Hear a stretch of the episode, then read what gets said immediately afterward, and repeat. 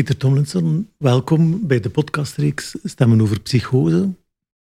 Ik ga eerst even zeggen voor de mensen die luisteren naar de podcast wat het opzet is. Dus eigenlijk is dat vrij eenvoudig. We hebben een samenwerkingsverband gemaakt tussen Universiteit Gent, uh, Psychose Net België, Museum Dr. Kislin en het Gentse Universiteitsmuseum om een podcast te maken die als doel heeft om met een auteur van een boek of een artikel of een, of een blog over psychose in gesprek te gaan. Dus het gaat eigenlijk telkens over mensen die een heel bijzondere ervaring hebben gehad in hun leven. Een ervaring waar je dat plots de realiteit niet echt meer leek te kloppen, waardoor al je opvattingen over de werkelijkheid en over jezelf op losse schroeven komen te staan. Dus dat is het opzet van de podcast. Mijn naam is Stijn van Eulen, ik ben hoogleraar klinische psychologie. En Pieter, jij bent mijn uh, gast vandaag. Welkom. Ja. Dus Pieter, ik ga je ook even voorstellen voor de luisteraar. Je bent ervaringswerker in de GGZ. Je bent ook als vrijwillig academisch eh, medewerker verbonden aan de vakgroep orthopedagogiek van Universiteit Gent. En de voorbije jaren heb je veel geschreven over psychose. Vandaar dat ik je ook uitnodig voor deze podcast. Hè. Zo ben jij auteur en co-auteur van een aantal academische publicaties. Je bent ook schrijver van gedichten, die onder andere gepubliceerd zijn in de boeken van Villa Voortman. En Villa Voortman, een ontmoetingsplaats hier in Gent. En je hebt ook uh, een manuscript uitgewerkt, waarbij dat je je eigen kijk op en ervaring met psychose meer uitgebreid beschrijft. En dat is een manuscript van een boek dat gepubliceerd zal worden in september 2023. Ik heb dat in preview al mogen lezen, dat boek, waarvoor dank. We gaan het daarover hebben. Hè. Ik heb daar een fragment uitgekozen om straks met jou te bespreken. Want de podcast heeft twee delen. Dus we gaan enerzijds gaan we praten over wat een psychose precies is. Of beter, hoe dat was voor jou. Ehm, en wat de crisiservaring van een psychose precies inhoudt.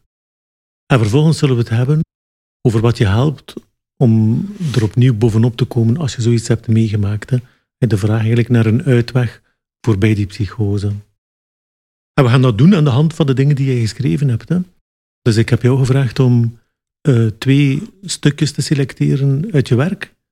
Um, ik heb dat ook gedaan. Ik heb gezien dat we nogal verschillend gekozen hebben. Je hebt vrij korte stukken gekozen. Ik heb lange stukken gekozen. Maar goed, gesprekstof genoeg, denk ik, voor onze uh, afleveringen. Ik ga je uitnodigen meteen, Piet, om het eerste stukje voor te lezen en dan gaan we daarover verder spreken. Okay.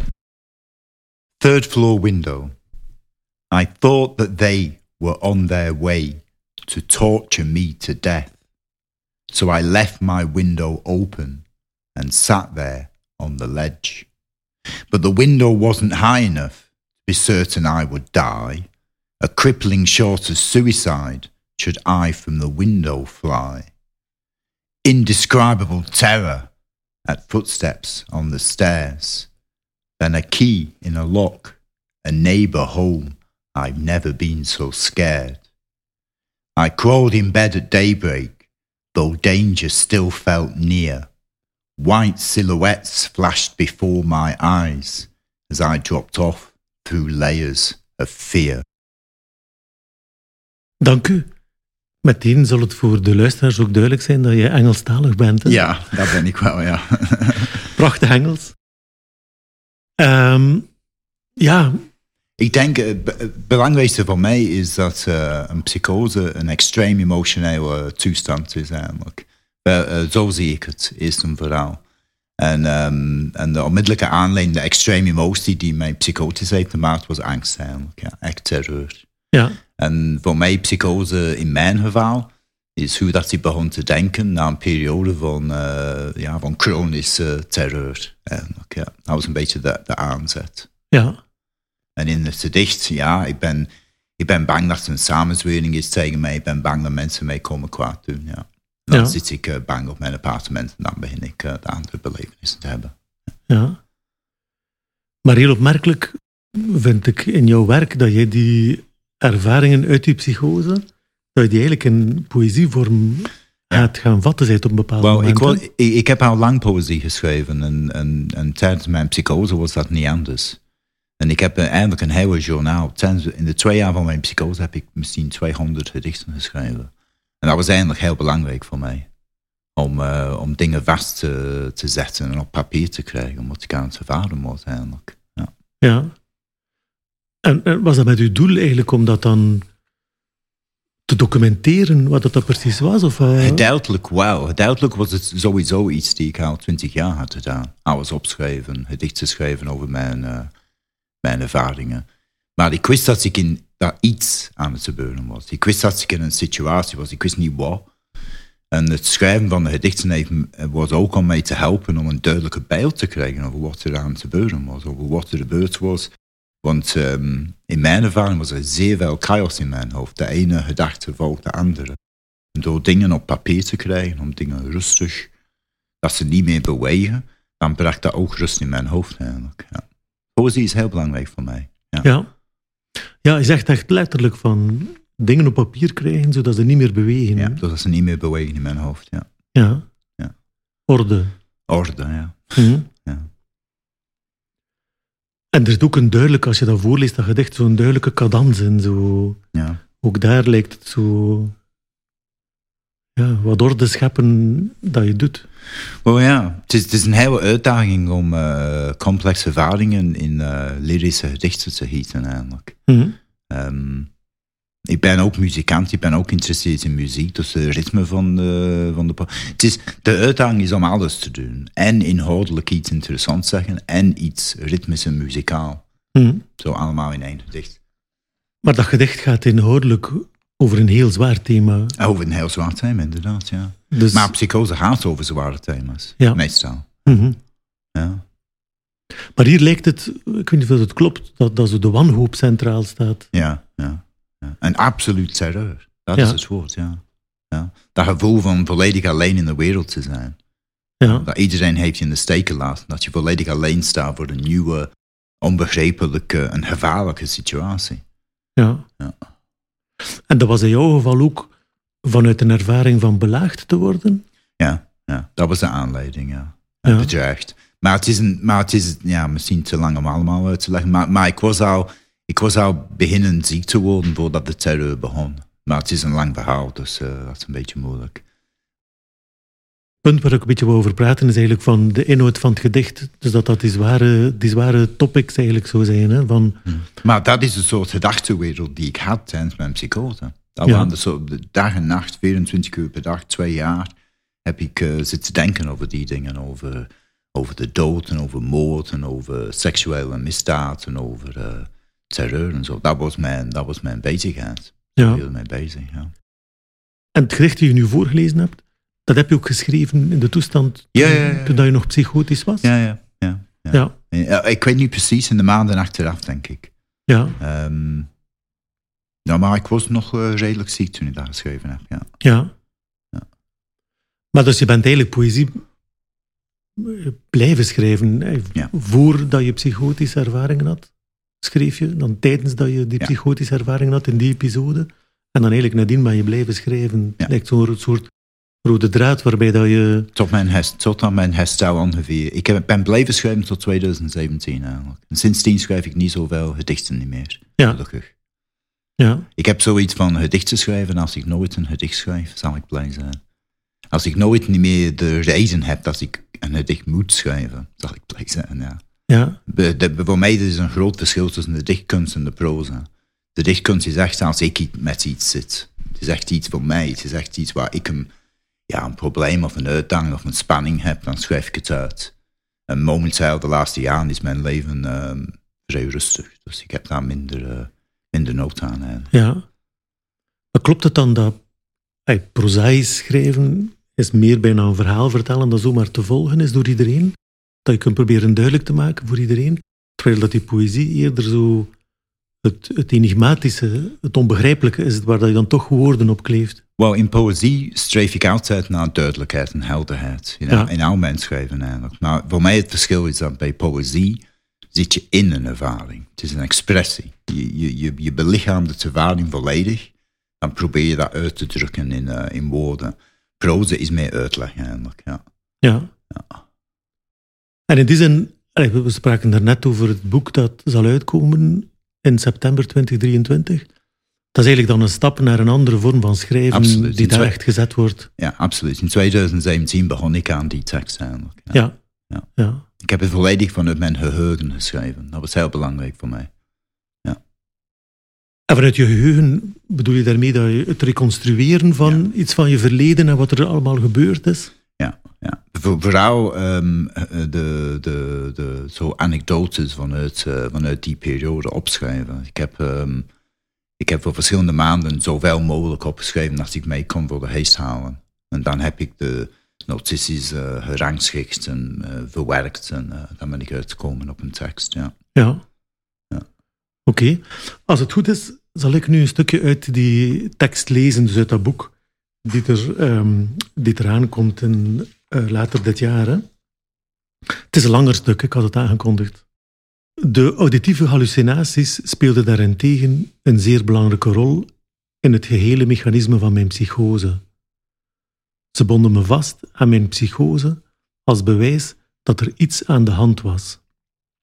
De hallucinaties begonnen eind 2013 en begonnen met het horen van een reeks harde tikgeluiden.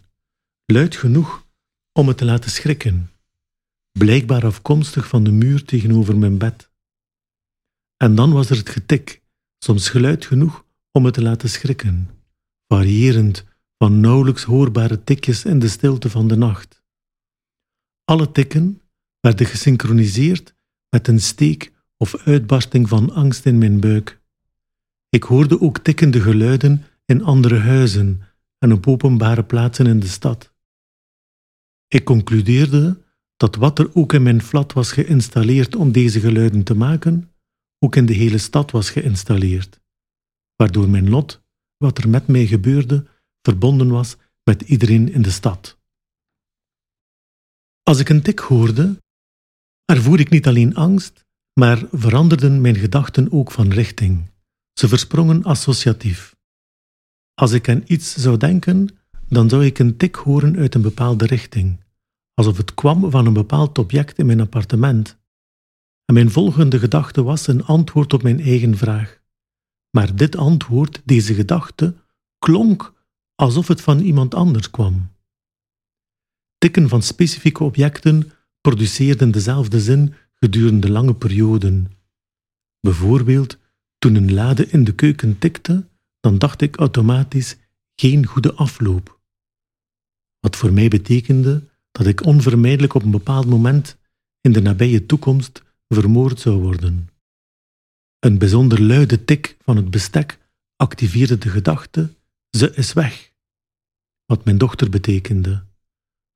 Wat feitelijk waar was, maar op het moment van het tikken van het bestek, begin 2014, was dit nog niet doorgedrongen. Soms zou de zin die uit een object kwam veranderen. Een tijdje hoorde ik een bijzonder ritmisch rammelend geluid. Dat klonk alsof het werd gemaakt door een apparaat op mijn dak. Dit geluid deed me denken aan materiële armoede. De belangrijkste impact van de tikken was dat ze me bonden aan mijn waanideeën. Ik wist dat de tikken invloed hadden op mijn gedachten, dus de mensen die de tikken maakten en mij observeerden, moesten dat ook wel weten.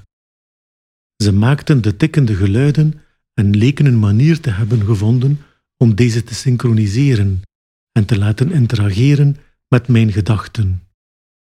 Er moest iets zijn dat de tikkende geluiden maakte.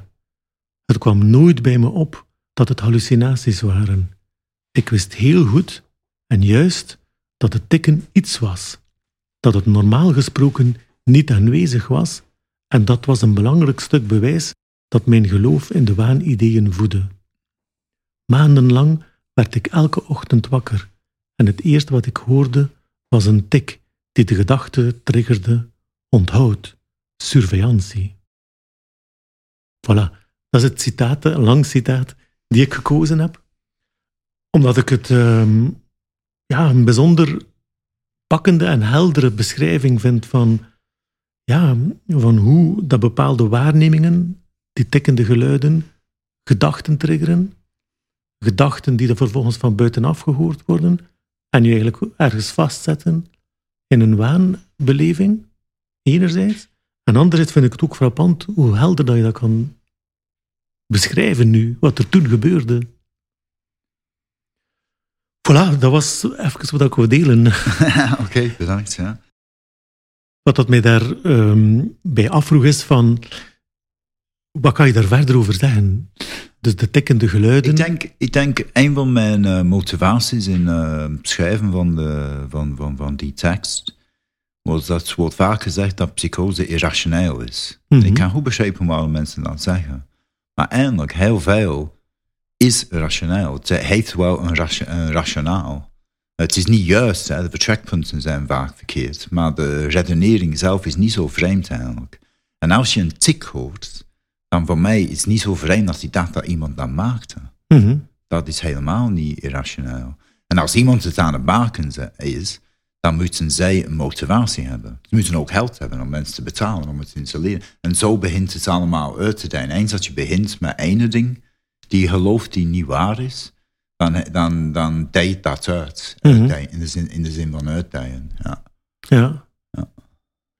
En heeft dat dan ook te maken, denk je nu achteraf, met die angst die je ook aanstipte bij het gedicht? Ik denk van wauw, ja. ja. Ik denk van wauw. Eens, um, mijn ervaring op het einde van mijn psychose was dat, um, uh, was dat dat allemaal vrij snel stopte eigenlijk. En het was als de angst naar beneden kwam, ja. ja. Maar de angst die ik ervaarde was um, uh, self-continuating, hoe zeg je dat? Dat, dat, dat, dat hield zichzelf in stand. Ja. Oorspronkelijk was hij bang van bepaalde dingen, maar door dat soort gedachtenhang, door, zoals in het gedicht, Mhm. maakte, maakte ik mezelf nog banger. Dus ik dacht dat het een situatie was omdat hij bang was. En dat maakte me nog banger, wat mijn overtuiging nog, uh, nog uh, ondersteunde eigenlijk. Dat er iets aan de hand was. Ja. Ja. En is dat een beetje hetzelfde met die tikken? Dus Ja. dat je vanuit angst die tik hoort, daar betekenis Ah. aan toekent en dat dat je aandacht daarvoor toeneemt? Dat ik het niet weet, dat is wel heel moeilijk om te antwoorden eigenlijk. Ik, dat ik het niet weet. Hm? Ik, eh, ik weet dat ik tegelijkertijd een gedachtesprong, een tik en een gevoel had. Ja. Die drie dingen samen. Maar ik weet niet welke de oorzaak was van de ander. Ik weet niet of het gevoel de tik maakt en dan je gedachtesprong of omgekeerd. Dat kan ik niet inschatten eigenlijk. Alsof dat misschien een soort gelijktijdigheid Het is. is gelijktijdig, ja. Ja, ja. ja. Wat ik daarnet voorlas zo over u, ehm, hey, dat het een antwoord eh, ontlokte, Ja. maar dat antwoord klonk als van buitenaf. Ja, ja, dat is heel belangrijk eigenlijk. Eh, gedachten kunnen ook een eh, intonatie hebben, dezelfde als de gesproken taal. Mhm. Gedachten gaan klinken als iemand. En dat was heel eigenlijk mijn ervaring. Dus heel vaak was het alsof andere mensen in mijn hoofd waren aan het praten tegen mij. Een of ander soort telepathie of eh, dat soort dingen. Zo heb ik het ervaard. Ja. Ja, ja. Maar achteraf zeg je, het waren mijn eigen gedachten. Achteraf zeg je dat mijn eigen gedachten. Eh, Toen wist ik dat het mijn eigen gedachten waren, maar ik dacht dat andere mensen het aan het manipuleren waren. Ja, Well, ja, uiteindelijk andere mensen gedachten, ja. ja, ja. Maar, maar ik, hoorde, ik hoorde ook stemmen op een bepaald moment, maar meestal niet eigenlijk. Ja. Meestal mijn stemmen tussen haakjes waren gedachten. Gedachten die klonken als iemand anders. Luidop stemmen hoorde ik niet zoveel. eigenlijk. Ja. Oké. Ehm, dus kan ik mij ook voorstellen dat eens dat je zo dingen ervaart, dat de grote uitdaging dan is van, maar hoe kan je daar voorbij raken? Voilà. Eerst en vooral eh, eh, proberen uit te werken wat er aan het gebeuren was. Hoe dat ik het vaak is dat ik zo een hele dag bezig zijn met proberen uit te werken wat er aan het gebeuren is. En niet tot het einde van het verhaal komen. Dan de volgende dag opnieuw beginnen, dan de volgende dag opnieuw beginnen. Maar ik wilde een uitweg. Ik Ja. wilde een manier om uit mijn situatie te raken. En, en fantaseren over mensen die mij gaan redden, of hoe dat ik dat kan doen. Of, eh, Ja. E- enorm eenzaam eigenlijk. Ja. ervaring eigenlijk, ja. En zo het moment van het gedicht en het moment van, van het getik, kan me ook voorstellen dat je op zo'n momenten daar heel ontredderd kunt van zijn. Absoluut, ja. Ontreddering is het beste woord eigenlijk, is het beste woord. Ja, Psychose is wat gebeurt met sommige mensen als ze volledig ontredderd zijn, ja. ja, Zo zie ik het een beetje, ja. ja. Ja. Ja, en je weet dat heel goed op te roepen. Hè. Als, ik, als ik dat lees, dan, dan voel ik dat als het ware ook van... Vind maar een uitweg. Hè. Ja, het is zo. Dat, uh, hey, dat is een grote uitdaging op zo'n moment. Hè. Ja. En zeker als je gelooft dat wat er aan te gebeuren is een geheim is. Ja. Voor mij leek het een evidentie dat het een geheim was. En daarom heb ik niet met andere mensen kunnen praten, dus ik moest het allemaal zelf uitwerken. Ja. Ja. En wat heeft u dan geholpen om de klik te maken daarvoorbij? Wel, uiteindelijk was het. ehm, ehm, de, de, de mechanisme was dat ik. ehm, als ik aan het wanen was, dan had ik het idee dat ik gered ging worden. Dat was Mhm. een heel belangrijke waan bij mij. Eh reddingswaan noem ik dat. En ehm, op een bepaald moment was ik niet meer bereid om te wachten. Op een bepaald moment dacht ik, dit gaat gewoon niet gebeuren. Dat het niet meer... En die, en die eh, afwachting van gered worden is zeer belangrijk. Want het was in die toestand dat ik extase heb meegemaakt. Dus, dus overdreven geluk. En het was die extase die de hele ding in hang hield. Dus ehm, toen ik tot de conclusie kwam dat de redders niet gingen komen opdagen, dan, is, dan was de extase weg. Ja. Dan bleef ik over met al de andere emoties, maar zonder de, zonder de lucht, zonder de, de hot air van de, van de extase om mij eh, in hang te houden. Ja. Ja, zo, is, zo heb ik het ervaard. En eens dat ik gestopt was met geloven dat ik redding worden en extase eh, weg was, dan veel van de andere symptomen vielen vrij snel weg eigenlijk. Ja. Tikken stopt, eh, het gevoel dat ik aan de surveillance was stopt. Ja. Ja. Dus ergens speelt die extase een zeer belangrijke rol. ja. En was dat een bevrijdend gevoel? Of was Oh. dat eh, een... Heel, heel, heel, afwis, eh, heel eh, complex eigenlijk. Ja.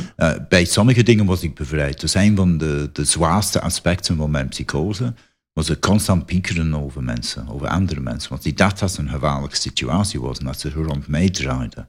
En dat betekende dat mijn vriendinnen, mijn dochter en, andere mensen ook in gevaar waren. Mhm. En, en toen ik besefte dat dat niet zo was, dat er geen situatie was, dat mijn eh geliefden niet in gevaar waren, dat was de grootste opluchting eigenlijk. Mhm.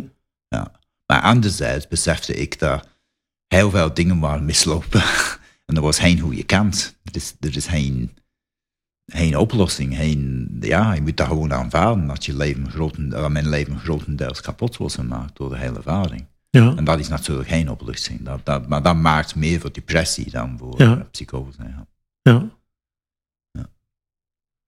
Ja, van, vandaar dat het ook goed te begrijpen valt dat er na een ervaring van psychose, dat daar soms een depressie op volgt. Veel mensen vallen in een zeer diepe put na een psychose. Ik kan dat volledig begrijpen. Ik heb daar geen uitleg voor nodig. Eens dat de extase weg is en, en de schaamte. En de schaamte van beseffen dat je heel veel dingen gedacht hebben eh, die, eh, die niet gaan gebeuren, dat is, eh, dat is verpletterend. Gewoon, ja. Hm. Ja. Oké. We zullen nu anders overschakelen naar die twee stukken waar we meer gaan spreken over herstel, over de weg voorbij die psychotische ervaringen. Dus bij deze mag jij al sinds jouw citaat lezen. Er was geen enkel moment waarop ik de contact met de realiteit verloor. Er waren een, aantal momenten toen ik grote stappen weg van de realiteit nam. En zoals mijn beschrijving van mijn herstel toont, stopten al mijn ernstige symptomen en kwamen ze niet terug. Maar dit proces duurde dagen, weken, maanden of jaren, afhankelijk van de symptoom. Precies zoals er geen enkele breuk met de realiteit was, kwam ik ook terug naar de werkelijkheid in stappen. Oké.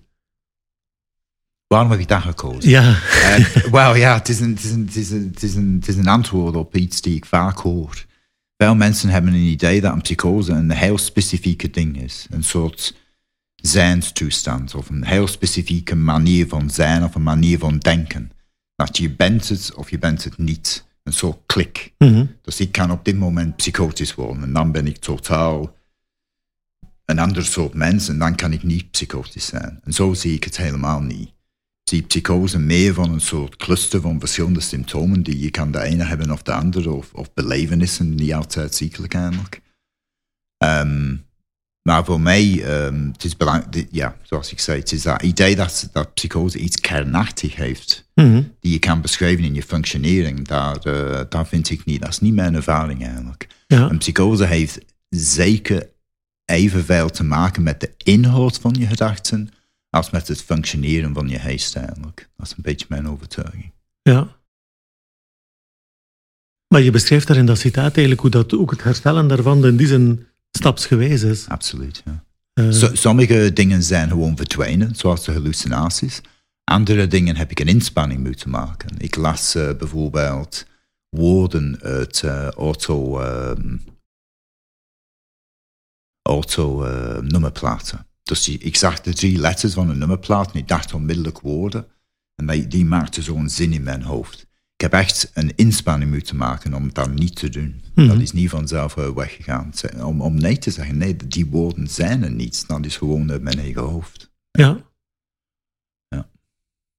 En, in, en, in, en, en wat betreft de, de, de gedachten die klinken als eh, andere mensen, daar heb ik ook eh, lang over moeten vechten om, om, om niet te luisteren eigenlijk. Want daar waren meestal negatieve dingen over mij eigenlijk. Mhm. mezelf, die mezelf naar beneden trekt. En daar was een, groot, eh, een grote stap vooruit toen ik een gedicht daarover schreef. Ja. Over die stemmen. En, en, en nadien had ik veel minder last van eigenlijk. Mhm. Ja.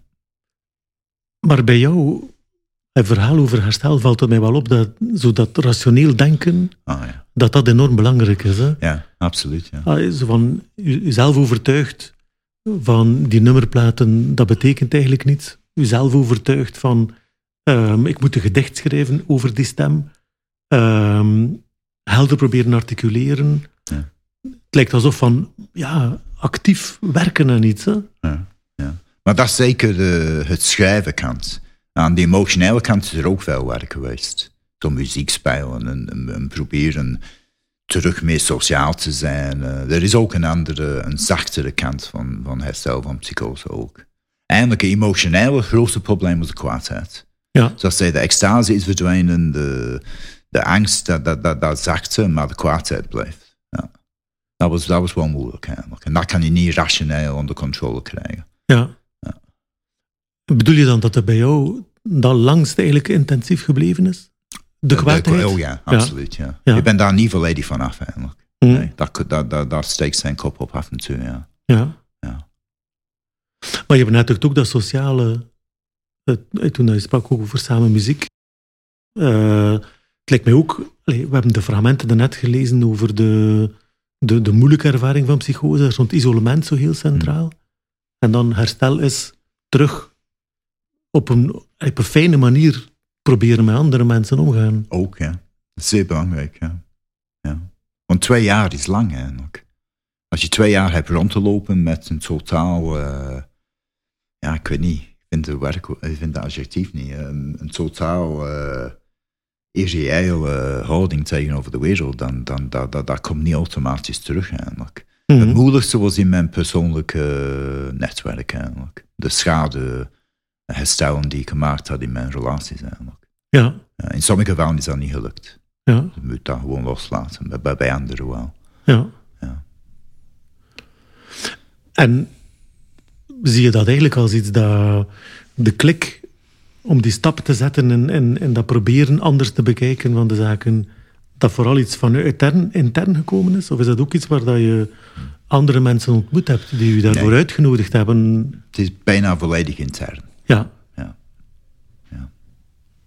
ja. Ik heb, eh, ik heb eh, op het einde van mijn psychose heb ik een opname gehad van tien maanden. Dat was wel nodig. Ik had een veilige plek nodig om mijn eh, gedichten te schrijven en om mijn eh, ervaring te verwerken. Maar de therapie op zich heeft niet veel geholpen eigenlijk. ja, Onder andere omdat het te traag is. Ah, Het ja. de tempo in psychiatrie is heel traag.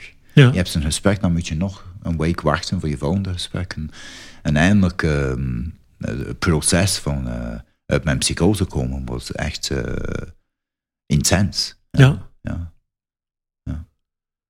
En in die zin ja, zelf bewerkstelligd Ja, door, nee, nee, door te schrijven. Helemaal. Het lijkt bijna alsof een soort eh, sabbatical eh, die je neemt tien maanden om je volledig terug te trekken, Ja, zaken absoluut. op een rijtje te zetten en in die zin.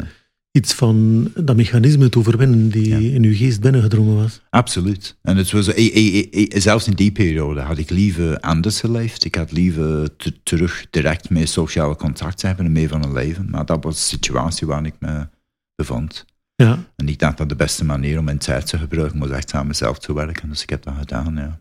Ja. ja.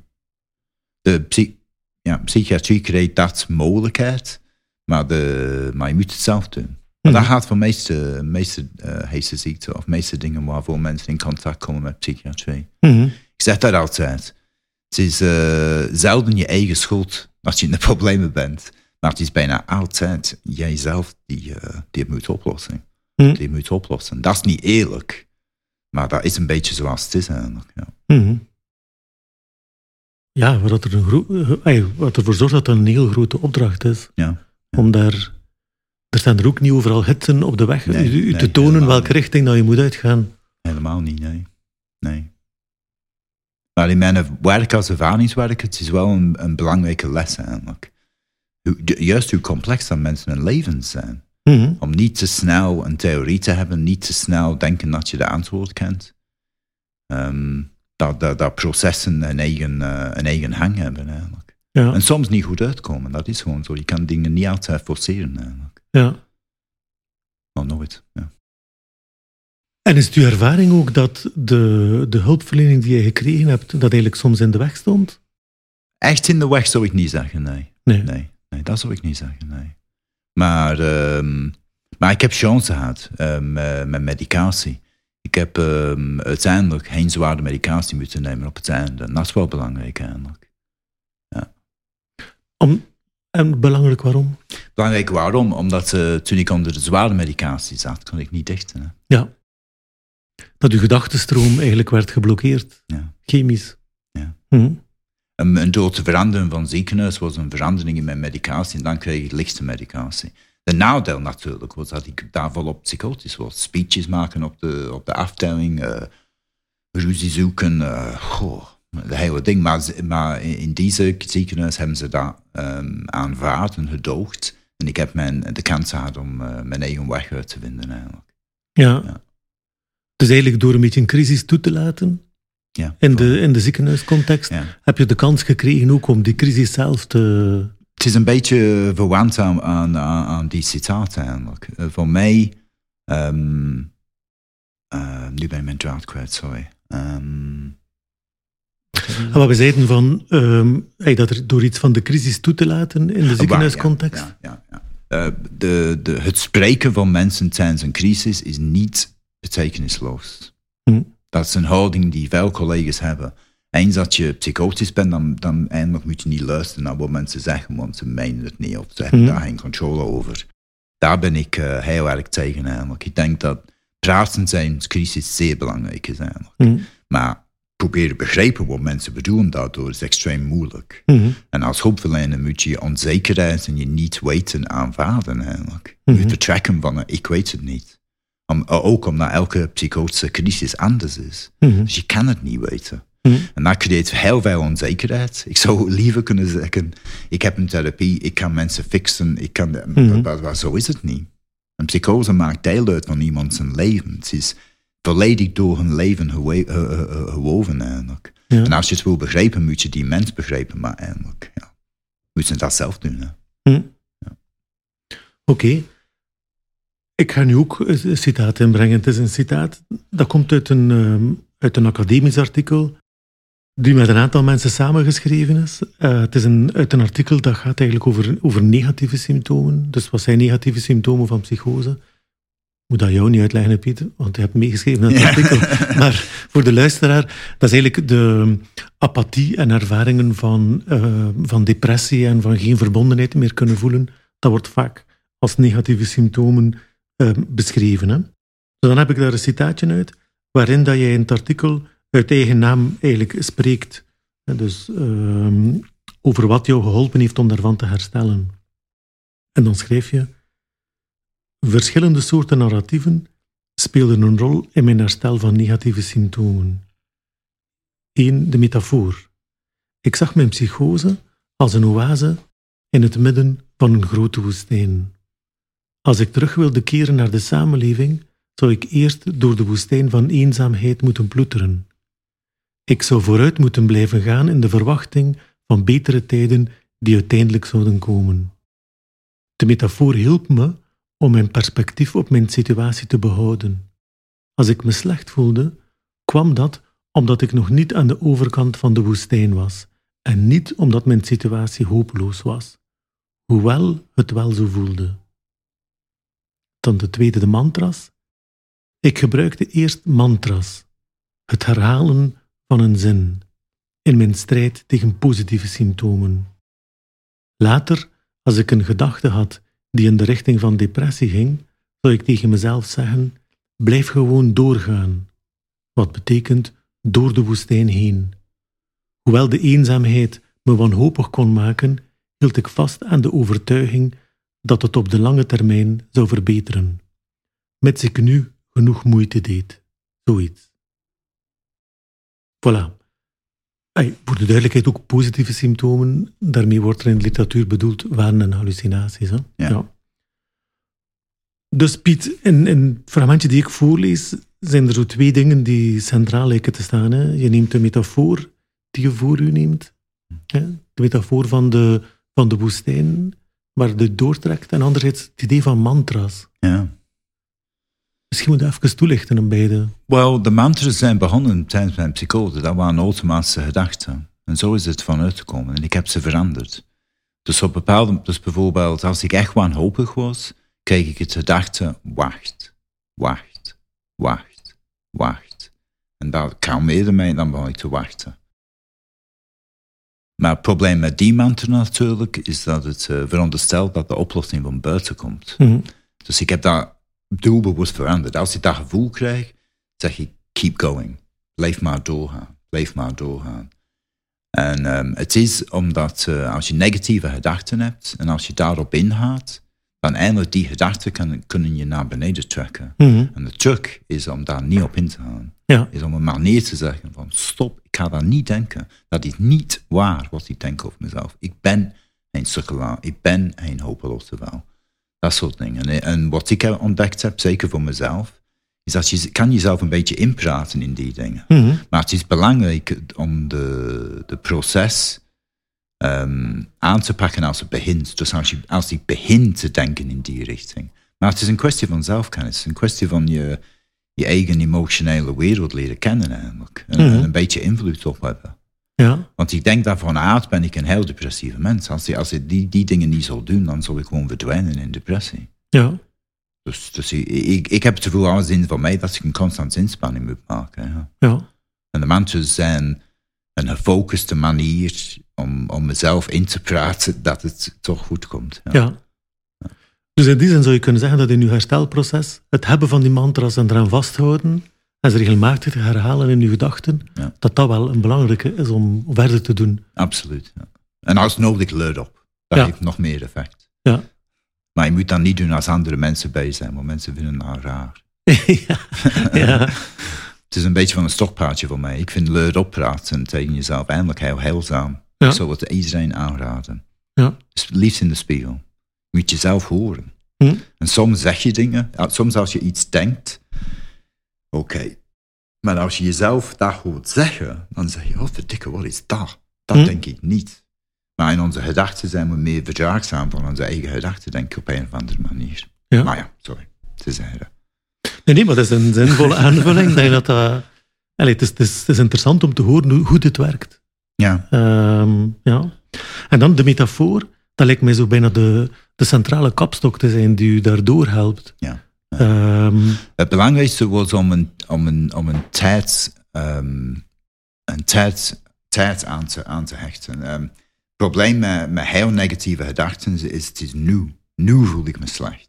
En het is belangrijk om een perspectief te hebben van hoe dat gaat gaan. Om te proberen de, de spanning uit te nemen. Te proberen het meer te relativeren. Ja. ja. En ik wist, ah ja, en ik wist ehm, door mijn situatie, zoals gezegd, mijn, mijn persoonlijke netwerk was volledig kapot op dat moment.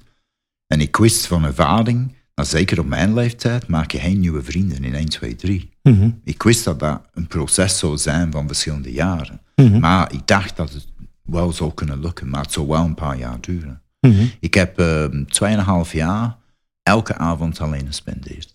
Mhm. Ik had wel ehm, dingen te doen in de dag, maar s'avonds was ik volledig alleen. Tweeënhalf jaar. Ja, Mhm. Elke avond. Mhm.